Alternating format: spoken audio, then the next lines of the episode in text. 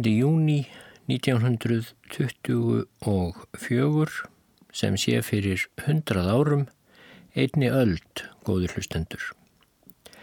Það er lítið að gerast á Íslandi þennan dag. Það er mánudagur, annar í kvítasunnu. Í Reykjavík er messa í domkirkjunni, sér að Bjarni Jónsson pretikar. Í fríkirkjunni stendur sér að Árni Sigurðsson fyrir altari, svo er hámessa í landakoti. Eftir háttegið eru kappreiðar fáks inn við ellið ár, mjög vel sóttar og spennandi, þótt mikið rík á skeðvellinum hafi gert áhorfendum gramt í geði. Mesta aðtikli vakti keppnin í stökki, meðal stökkhestana voru hinnar príðilegustu skeppnur, skrifaði vísir. Fjörugir og snarráðir hestar og stukku ágæta vel. Fyrstu verlun, 200 krónur, vann Sörli Ólafs Magnússonar ljósmyndara, en skeiðhestarnir voru víst miklu síðri.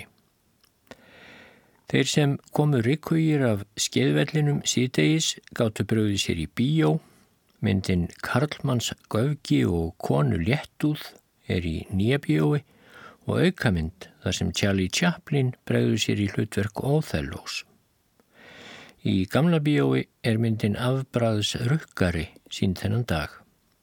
Botnía kom frá Kaupmannahöfn, Fedora sápan er til sölu hjá R. Kjartansinni og Kó á laugavegi Það er mjög gott veður, þótt svo litið hreyfi vind. Tíu stiga hitti, segja blöðin. Fólk er að njóta sumarsins, segir þar líka, og vona á góðu því áframverður hlýtt og meinhægt næstu daga. Þannig var nú það, þennan 9. júni 1924 á Íslandi. Oh, the night was dark and dreary and the air was full of sleep. The old man stood out in the storm, and his shoes were full of feet. Oh, it ain't gonna rain no more, no more. It ain't gonna rain no more. But how in the world can you folks tell? It ain't gonna rain no more. Well, a butterfly flits on wings of gold, the June bug wings of flame. The bed bug has no wings at all, but he gets there just the same. Oh, it ain't gonna rain no no mo no no mo no no no mo no no no no no mo. How in the world can you folks tell? It ain't gonna rain no more. Oh.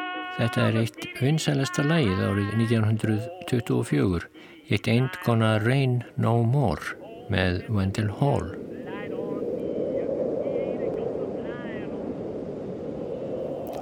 En einmitt þennan sama dag, 9. júni 1924, þá var rúmlega þrítugur englendingur, Noel Odell, nokkurn veginn hínum einn á hnettinum við allmjög aðrar aðstæður. Þar var korki sól, nýja blíða, nýja regn. Odell var í næri 8 km hæð, nálegt tindinum á hæsta fjalli heimsins, korki meirinni minna. Tindurinn er nákvæmlega talið 8 km 848 metra hár og Odell, hann var með kíki sem hann bindi upp að tindinum. Hann var einn af þáttakendunum í leiðangri fýbldjarfara manna sem ætluðu sér að komast upp á tindin, fyrstir allra í heiminum, ætluðu þeir sér upp á hæsta stað á jörðinni. En það var svo sannarlega hægar sagt en gert. Þar uppi ríktina er eilíft frost, óurlegir vindar blésuðar oftast nær. Hlýðar fjálsins voru þvernýftir klettar víða, annar staðar snjóhengjur, reynustu skadræði, varasamir mjóir, hryggir, víða brattir, og fólk þurfti að gæta sín vandlega á að rapekki fram af, rapekki marga kílometra niður.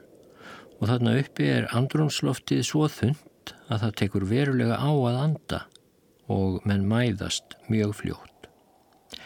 En þarna var samt komin leiðangur og hafði náð lengra en nokkur annar. Þeir sem stóðu fyrir leiðangurinnum voru brettar, þjálfaðir fjallgöngumenn en með þeim fylgdu heimamenn heima menn sem byggu í dölunum milli fjallana, Himalaya fjallana. Þeir voru flestir af kyni sjerpa og Ódel þessi, sem sagt, hann hafi verið komin upp í einar af efstu búðum leiðangur sinns í fjallinu. Ekki samt allra efst. Hann vissi af tveimur mönnum fyrir ofan sig. Hann beigð með byrðir þarna örlíti neðar. Byrðir handa þeim þegar þeir kemur nýður á endanum. Og Ódel var með kíki og hann beindi kíkinum upp að efsta hrygg fjallsins, þeim hrygg sem hann vissi að félagar hans yrðu að fara eftir ef þeir ætluðu sér að ná upp á efsta tindin. Og viti menn, þarna sá hann tvo litla deppla á reyfingu og hann vissi strax að þetta væri félagar hans, þeir George Mallory og Andrew Irvin. Þeir átt að reyna við tindin í dag, gera úrslita tilraun til að komast upp og þarna voru þeir, tveir litlir dökkir depplar og Ódel sá að þeir voru komnir upp á ryggin Þeir voru á réttum stað og virtust vera á réttri leið. Hann furðaði sig satt að sjá því hver rattir virtust fara, þessir tveir litlu dökku depplar, en skikni var í augnablíkinu gott þangað upp eftir og kannski var veðrið eins og best var það á kosið.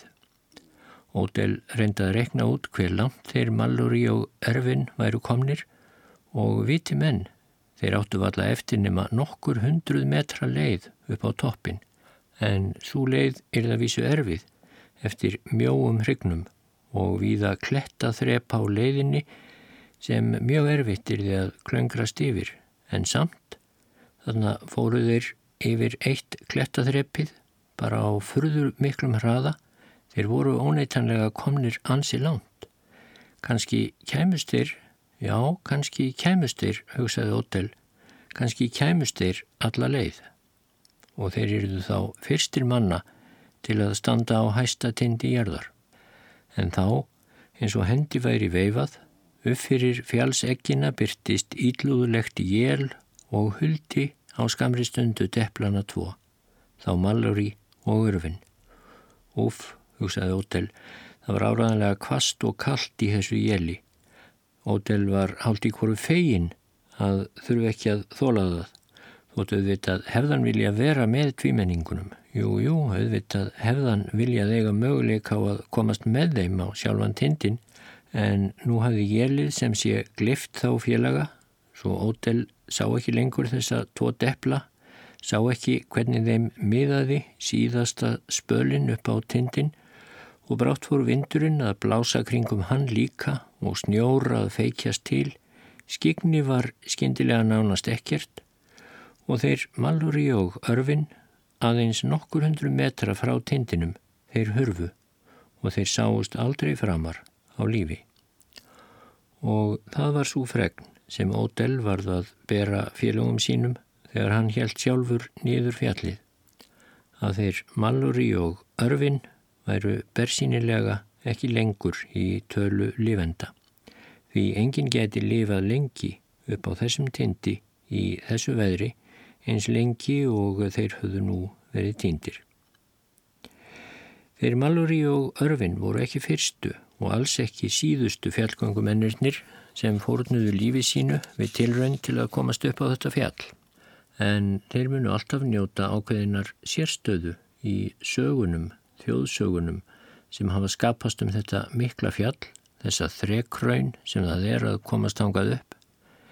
Þeir njóta sérstöðu vegna þess að þeir hefðu getað orðið fyrstir og kannski urðuðir fyrstir.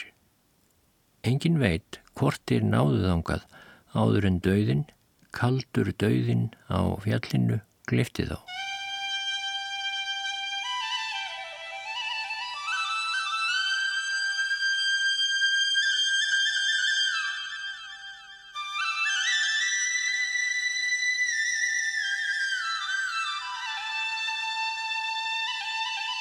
Fjallið, þetta háa fjall, stendur á landamærum Nepals og Tíbets sem nú heyrir undir Kína. Nepal er ævaformt ríki í fjöllunum, Himalaya fjöllunum og hafði æfinlega verið sjálfstætt en var í misnánu bandalagi við Bretland, mest alla 19. öldina, þegar brettar voru smátt og smátt að tryggja yfirráð sín yfir Indlandi þar í söðri. En Tíbet í norðurinu hafði hins vegar komist undir stjórn Qing veldisins í Kína snemma á átjánduöld en þegar Qing-ríkið leistist upp í einbyrðis ófríði 1912 tóku Tíbetar sér aftur sjálfstæði og heldu því þar til 1951 þegar nýstjórn kommunista í Beijing lagði Háfjallaríkið aftur undir Kína.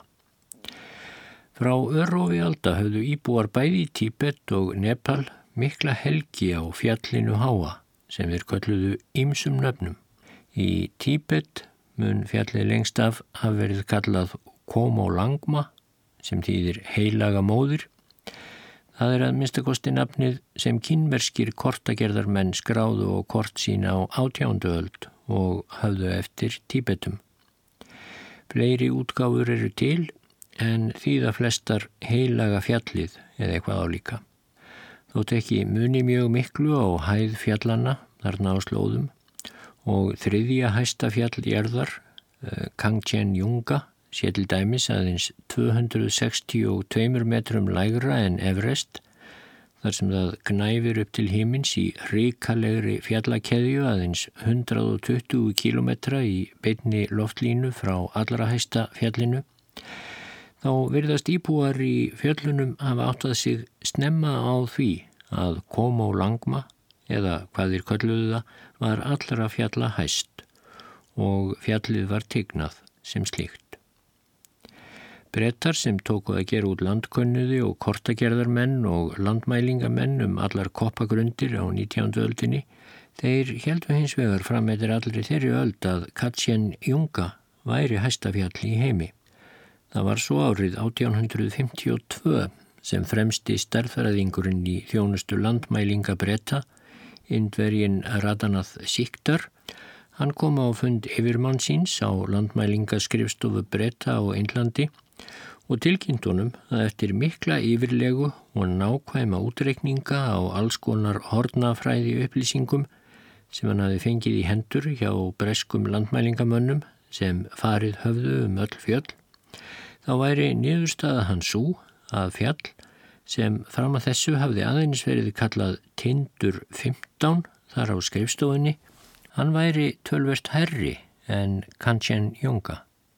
Raunar væri Tindur 15 alveg áraðanlega hæstafjallið í öllum himalægafjallunum og þar með sennilega hæstafjall í heimi.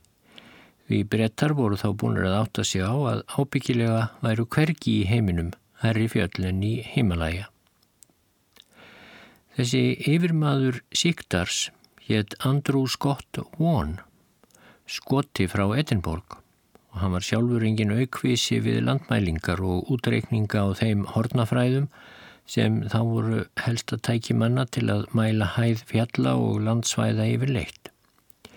Þeir Sigdar og Vaughan lögðust nú yfir alla útreikninga og upplýsinga sem til þeirra höfðu borist um tind 15 og niðurstaða þeirra var að lokum svo að já, Tindur 15 væri vissulega tæpum 300 metrum herri en Kangchen Junga og þar með auklust hæsta fjall í heimi. Þegar þeir töldu sig tilbúna til að láta þessi merkilegu tíðindi útganga til umheimsins, þá var hins vegar spurning hvað er eftir að kalla fjallið. Það hljómaði einhvern veginn ekkit mjög spennandi að tilkynna að Tindur 15 væri hæsta fjall í heimi. Brettar höfðu fram að þessu haft á stefnu að nota helst engöngu örnefni heimamanna þegar þeir byrtu kort eða upplýsingar um landsvæði sem þeir voru búin að mæla út og rannsaka. Það voru til dæmis brettar sem ákváðu að Kangchen Junga skildi heita einmitt það, þótt vissulega hafi það verið eitt af örnefnum heimamanna þar um slóðir. Kangchen Junga mun þýða fimm fjársjóður í snjónum á tungu Tíbeta. Það vafðist hins vegar fyrir Andrew Won að velja nafn á tind 15 við einmitt þá voru heilmikil ítlindi millir Nepalbúa og bretta og Nepals kongur hafi bannað brettum að stíga inn í ríkisitt. Hotnamælingarnar á tindi 15 höfðu verið gerðar áður en það bann var sett á En vegna þess að breskir landmælingamenn voru nú ekki lengur auðfúsi gestir í Nepal, þá hafði von litlar sem engar upplýsingar um hvað heimamenn kölluðu tind 15, korki Nepalsmegin nýja Tíbetmegin, því að til Tíbet hafðu brettar þá valla komið en þá. Von ákvað því að velja prestnafn á fjallið í þetta sinn og fyrir valinu var það nafnið Everest eftir Sir George Everest sem hafi verið fyrirrennari Wons sem yfirmaður landmælingaskrifstofu breyta á Einlandi. Raunarmun Sir George hafa borið nafnið sitt fram Everest en frambörðurinn Everest varð fljótlega ofan á einhverju hluta vegna. Nú, Sir George Everest eða Everest sá var sestur í Helganstein við Hyde Park og hann varður endar lít snortin yfir nafngiftinni þegar hann frétt af þessu og fannst það í rauninni fráleitt að nefna þetta heiminn hafa fjall eftir sér. Hann hafði aldrei komið svo norðarlega í Himalaya fjallin og aldrei svo mikið sem séð fjallið sem átti nú að nefna eftir honum. Þar þau ekki benti Ívrest á að indverjar myndu eiga erfitt með að bera nafnin fram á flestum sínum tungumálum og það veri alls ekki auðvelt að skrifa það á hindíletri útbreytasta rítmáli innlandskagans. Málið var tölvert rætt á fundum hjá Breska landafræðifélaginu sem hafði yfir nafngiftum að segja og þar kom meðal annars til álita að nefna fjallið Devadunga sem var upp á stunga Breska sendiherrans í Nepal. En þá var Mount Everest eða Everest fjall þegar farðað festast í sessi í bresku fræðasamfélagi og því var samþygt að halda því hvað svo sem George Everest maldaði í móin. Og þótt stöku sinnum hafi því verið hreift síðar að breyta nafninu, þá er Everest nú orðið svo fast í sessi að líklega verður því aldrei breytt síðar. Nepalar og Tíbetar ættu sjálfsagt erfitt með að komast að niðurstöðu um nafn og kínverjar og indverjar myndu þó sjálfsagt líka vilja hafa eitthvað um það að segja. Næstu áratögina eftir að Everest var komið með nafn og búið var að ganga á skugga um að þetta væri virkilega hæsta fjall í heimi, þá spurðist tilvist fjallsins út um allan heim og fjallkvöngumenn fóru að sína því áhuga þá fyrst og fremst fjallgöngumenn frá Evrópu til að byrja með. En það rann fljóttu fyrir mönnum að það erði engin hæðarleikur að komast upp á fjallið. Það var ekki bara bratt og hættulegt sem slíkt, heldur var loftið þarna uppi svo þund að það var ljóst að það myndi valda miklum erfileikum við að komast þar alla leiðina á toppin. Loftið uppi á tindi Everest er svo þund að það hefur ekki í sér nema eitt þriðja af því súrefnismagni sem við öndum að okkur að jafna því. Og þegar kom fram á 20. öldina þá fórum enn að reyna að finna leiðir til að vinna bug á þeirri hættu sem stafaði af þessu þunnalofti. Sumir reyndu að venja sig við þunnaloftið með því að dveljast vikum saman í fjallinu og færa sig alltaf ofar og ofar en aðrir fóru að þróa súrefnis áhöld af ímsutægi til að taka með sér alminnilegt loft þangað upp. En það var hægar sagt en gert að þróa slík áhöld.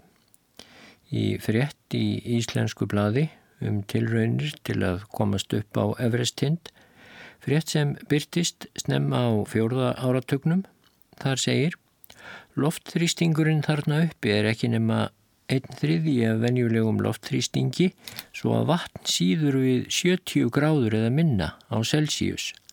Kartöblur get ekki sóðnað og niðursuðudósir geta stundum orðið eins og springikúlur því að þrýstingurinn inn í þeim er meiri en hinn lági loftþrýstingur utanað. Súröfniskorturinn og hinn lági loftþrýstingur veldur því að því nær allir fjallgöngumenn fá aðkenning af hjartveiki sem þeim getur þó batnað aftur til fulls sem betur fer. Og loftið er svo skrælþurrt að slímhúðurinnar í koki og nefi bólna við hérna áköfu innöndun. Verst af öllu er þó kuldin upp á þessum fjöllum. Þar er hörkufrost sí og æ, nema beint við sól og nóttum getur frostið orðið 30 til 40 gráður á Celsiusmæli. Þá er það stormatnir. Það blæst því nær alltaf ískaldur vestarvindur yfir Mount Everest. Verði sá blástur að stormi þá eiga fjallgöngumennirnir á hættu að frjósa til bana þar sem þeir eru stattir eða deyja af loftskorti af því að stormurinn tekur frá þeim andardráttin sem þeim er fyrirfram svo afar þungtum.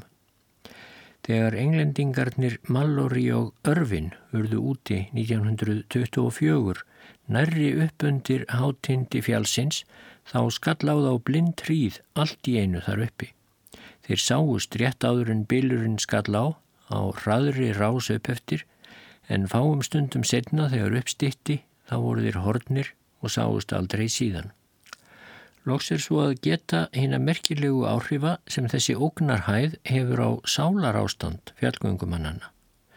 Náttúrulega kemur það fyrir að stökumenn sem taka þátt í þessum fjallgöngum fá hinn að svonumdu fjallakvilla í hinnu þungalofti, höfuðverk, lífsíki og magnleysi en það er þó tilturlega sjálfgeft að því að til þessara fjallaferða eru eigi hafðir aðrir en hinnir hraustustu fjallgöngu garpar.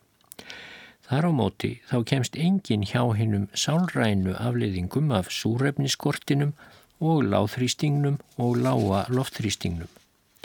Menn verða undarlegir, þráttgjarnir, glimnir og stendur ég að vilja á sama um allt. Þeir gleima að nota ljósmynda áhöldin sem þeir hafa með sér, þeir missa jáfnvel áhugan á því að komast upp á tindin. Þeir verða seinir að hugsa og stundum verður það lokleisa. Þeir þurfa langan tíma til að ákvarða sig og þeir geta fengið skindilegt tauga áfall eins og til dæmis Norton okkur sem met setti í hágöngu á Mount Everest þegar hann var á leiðinni nýður aftur eftir að hafa mistekist að ná alla leið á tindin þá þorðan ekki að ganga yfir alls konar óhættulegt flatberg. Förunautur hans var það leiðan yfir það og furðaði stórum á honum. Hann hafði beðið eftir honum neðar en þó hafði Norton óhikað lagt að baki miklu hættulegri slóðir en þetta flatberg. En einfaldar aðtæfnir verða fjallgöngumönnum í efstu búðum svo óviðræðanlega erfiðar að þeir geta til dæmis verið fullan klukkutíma að fara í stígvélinn sín eða kveikja á vínandalampa. Þrátt fyrir alla þessa erfiðleika sem brátt runnu fyrir mannum að myndu býða á fjallinu, þá varð áhugi fólks á því að komast upp á efstatindin brátt svo ákafur að ekki varð viður á þið. Að allir miklum vanda í kringum aldamótin 1900 að þá voru samskipti bretta og Nepala með verstamóti og Nepalar lokuðu landi sínu algjörlega fyrir brettum á löngum stundum. En árið 1913 þá fór eh, breskur hermaður, kaftinn Nóel, dulbúinn inn í gegnum Tíbet og hann komst nær Everest en nokkur annar kvítur maður hafi gert til þessa. Hann náði um 60 kílometra frá rótum fjálsins. En svo líðu enn mörg ár þánga til leifi fjækst frá tíbetskum yfirvöldum til þess að gera rannsóknar og klífur leiðangur til fjálsins. Leifi fjækst loks árið 1921 og skildi það einnig ná til næsta árs. Og þá var ekkert annað eftir en að fá nægilegt fér til fararinnar og velja leiðungursmennina og ráðast síðan að hæsta tindi veraldarinnar. Engin vissi hvort það væri mannlegu mætti ofvaksið eða ekki, en það átt að reyna það. Maðurinn sætti sig ekki við að standa og góna aðgerðarlausa á tindin. Þessi leiðungur sem hóst árið 1921 var farinn undir ægishjálmi bretta og þegar þeir fóru að velja menn í leiðangurinn upp á fjallið þá var sá fyrsti sem valin var George nokkur Mallory, maðurinn sem átti eftir fáum árum setna að láta lífið á fjallinu þegar hann týndist á samt örfin. George Mallory eða George Herbert Lee Mallory eins og hann hétt fullunafni fættist 18. júni 1886 í smáþorpi í Cheshire, réttsöður af Manchesterborg. Mallory var af ættum presta og skólafólks og hlaut góða klassíska mentun í skólakerfi þess tíma og honum mun hafa sóst flest allt nám vel, jamt starffræði og raungreinar sem bókmentir saga tungumál og öll þau latínufræði sem þá þóttu ómissandi hluti af mentun sér hvers manns. En Mallory var líka afar dugmikill og kapsamur íþróttamaður og allt frá blöytu barsbeini fór ekki millir mála að hann var klífurköttur hinn mesti. Hann fór að klífura upp á húsgögnin heima hjá sér þá hann var valla farin að skrýða, svo klífuraði hann í trjám, klífuraði upp á húsþökinn heima hjá sér, klífuraði upp á kirkju föður síns upp á hvern þann fjall og hæð og hól sem hægt var að finna í miðju Englandi og hann klifraði yfir leitt upp á hvaðeina sem hægt var að klifra upp á.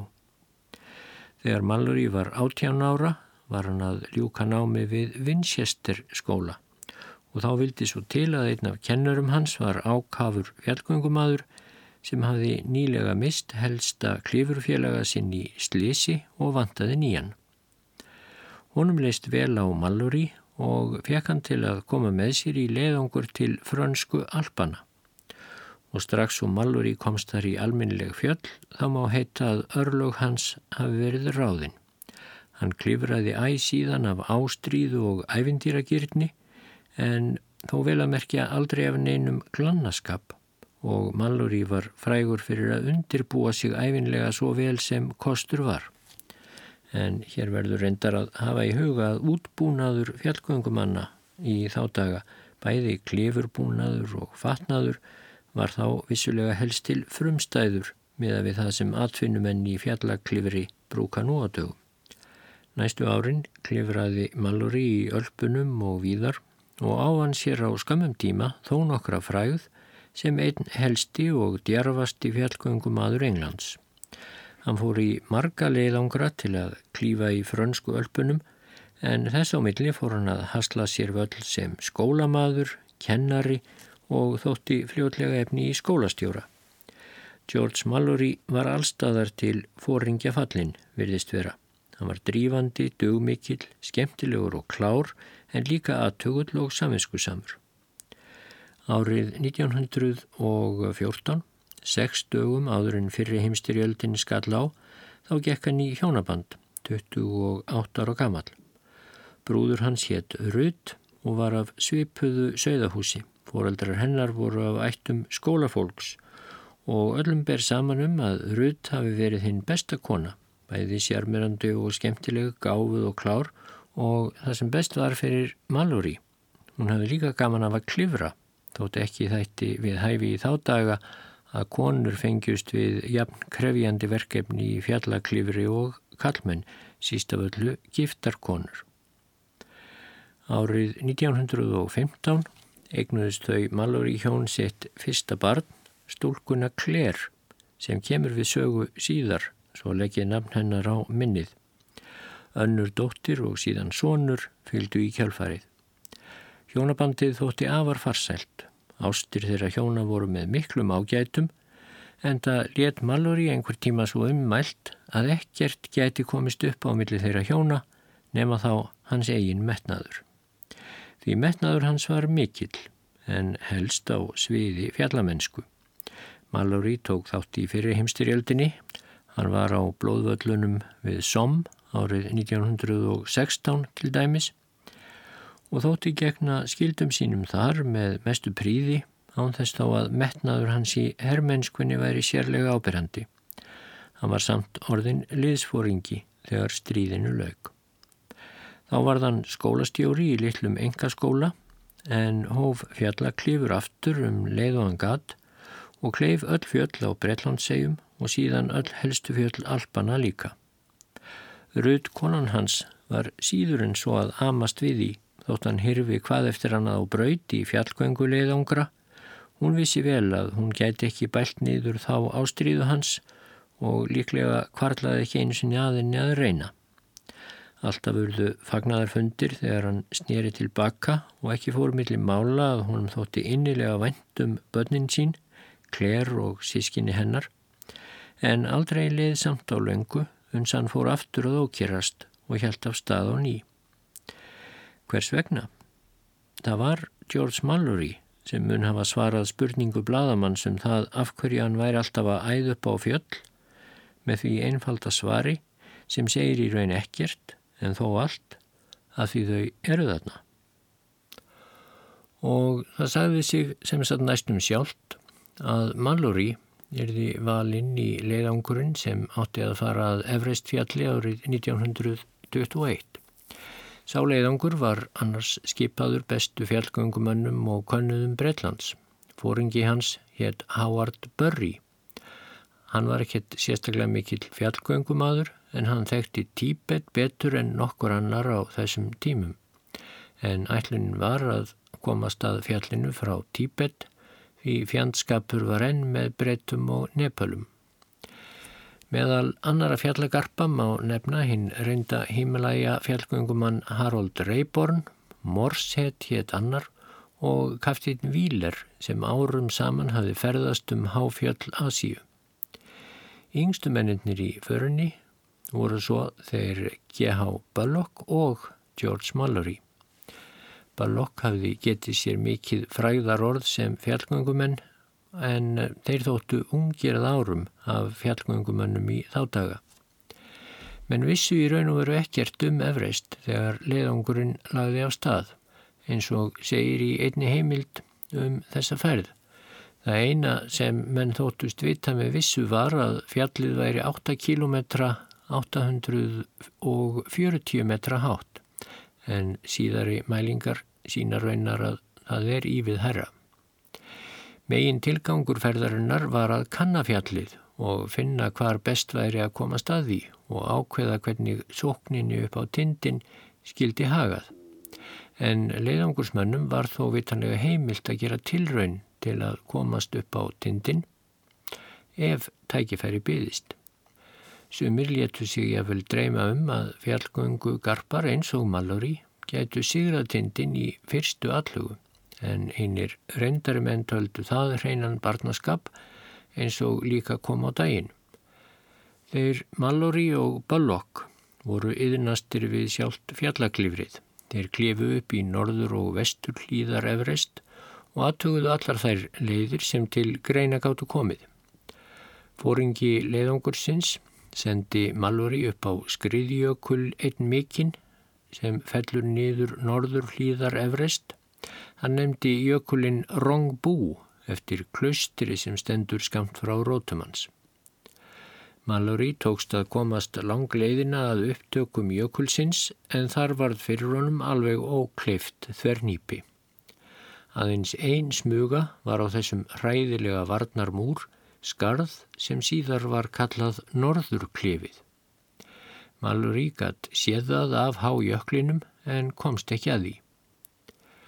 Hann varð að fara aðra leið og vann þá það afreg að klífa upp í Jökulfoss í norðurklifrinu í 7100 metra hæð.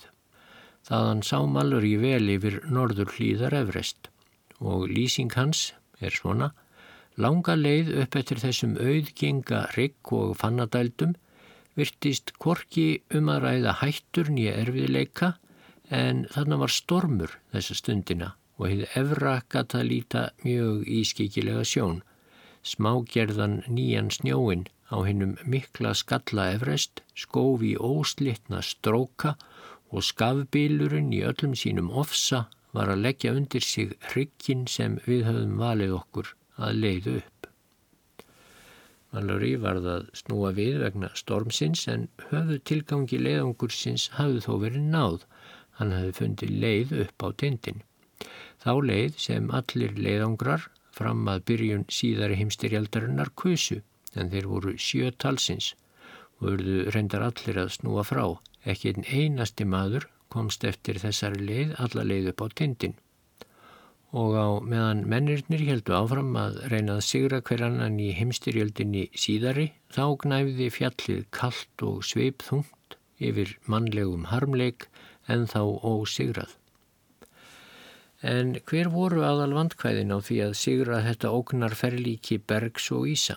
En vissi ekki svarið við þeirri spurningu fyrirfram en smátt og smátt eftir því sem leiðungrum á fjallið fjölgaði þá varðmennum ljóst hví lík reygin fyrrn af náttúruöflum fjallið hafiði á sínum snærum sem það beitti óspart gegn þeim sem reyndu að komast á tindin.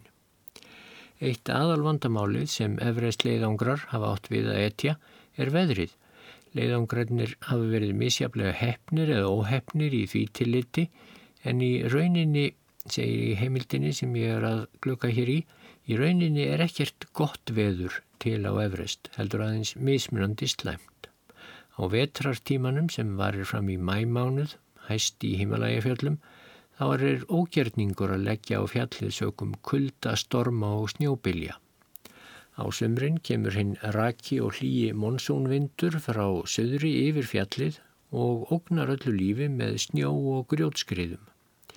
Það eru aðeins tvö tíma bil sem gefa færi á því að klífa fjallið, sent á vorin og snemma á haustin.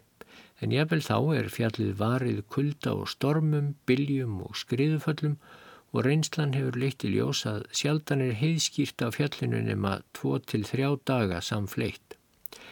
Það er því frumskilirði til þess að leiðangursmönnum verði nokkuð ágengt í viðröngsinni við Everest að útbúnaður þeirra þeim klift að mæta ógnum veðráttunar en umfram allt verða menn að hafa nægilega gott og mikið fæði og kunna að bregðast við þunnaloftinu.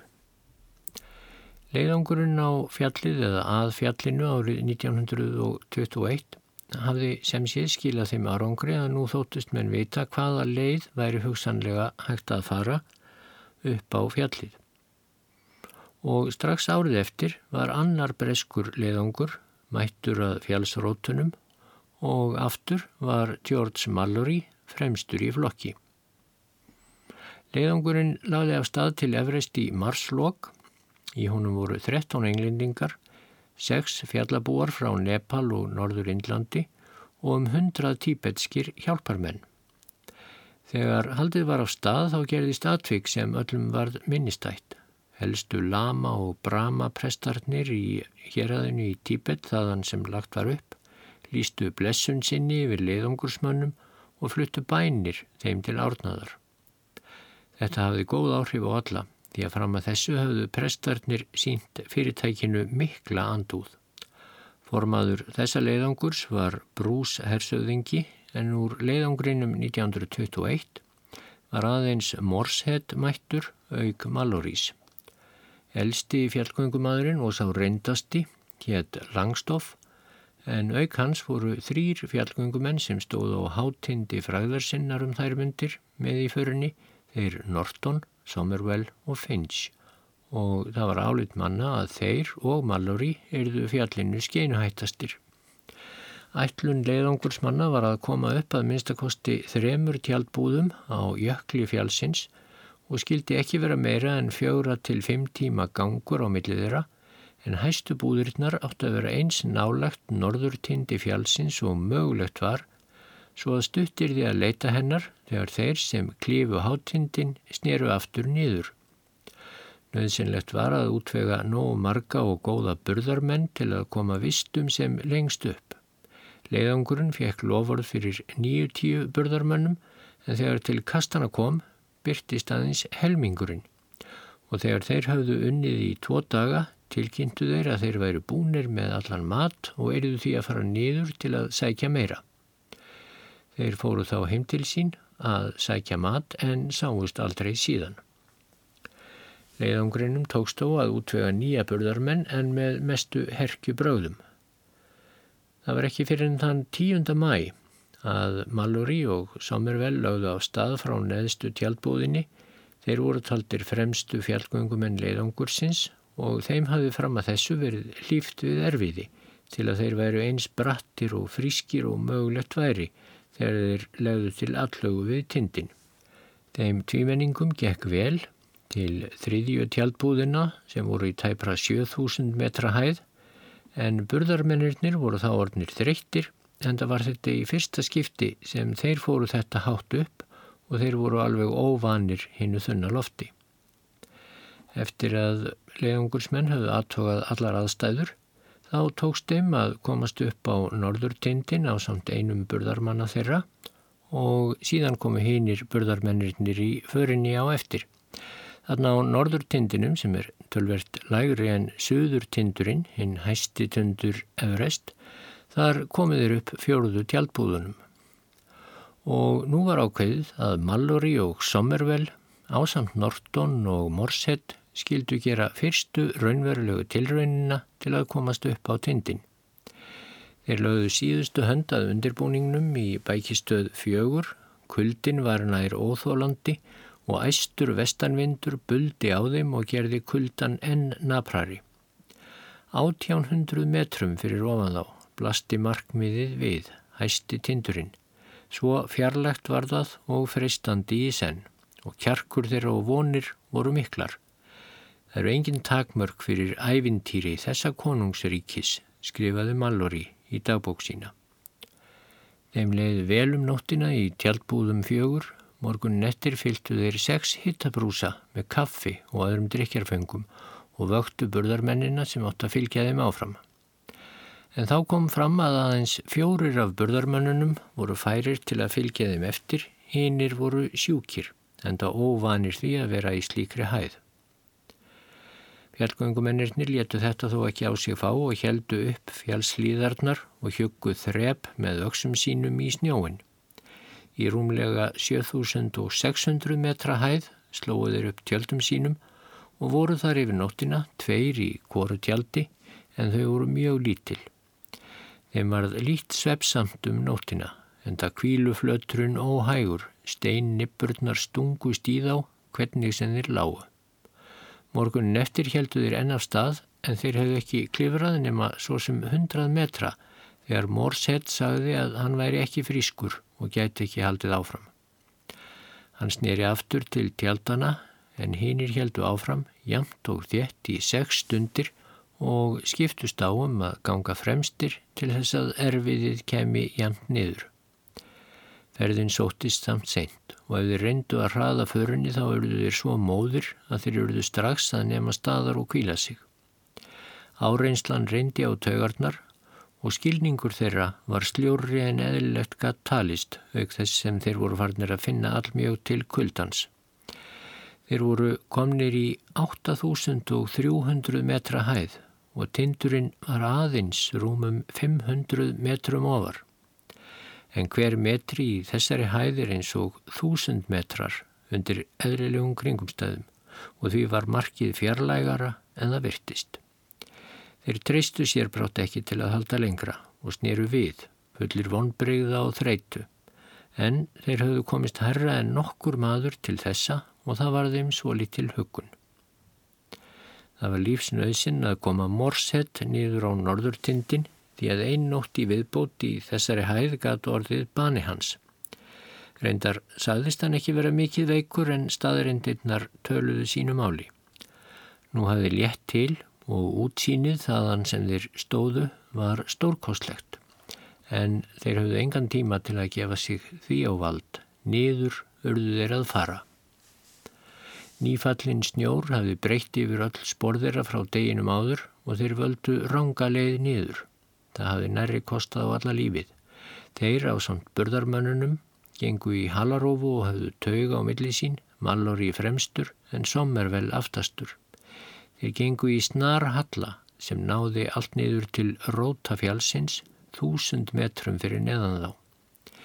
Skindilega misti maðurinn fyrir framann sommervel fótana einmitt í þann mund þegar Sommervel stóð höllum fæti, báðir fjallu og tóku að renna niður ísilaða hlýðina með vaksandi hraða. Þriðja manni aftanfrá tókst að stöðva þá aukna blik en fjall síðan sjálfur. Það er enginlegt, skrifaði Sommervel síðar, hvað maður missir mikið af skinnsemi sinni og domgrind svo hátt uppi. Mér fannst nákvæmlega engin hætt að vera á ferðum og hafði enga tilfinningu fyrir því að hraðin jógst óðfluga.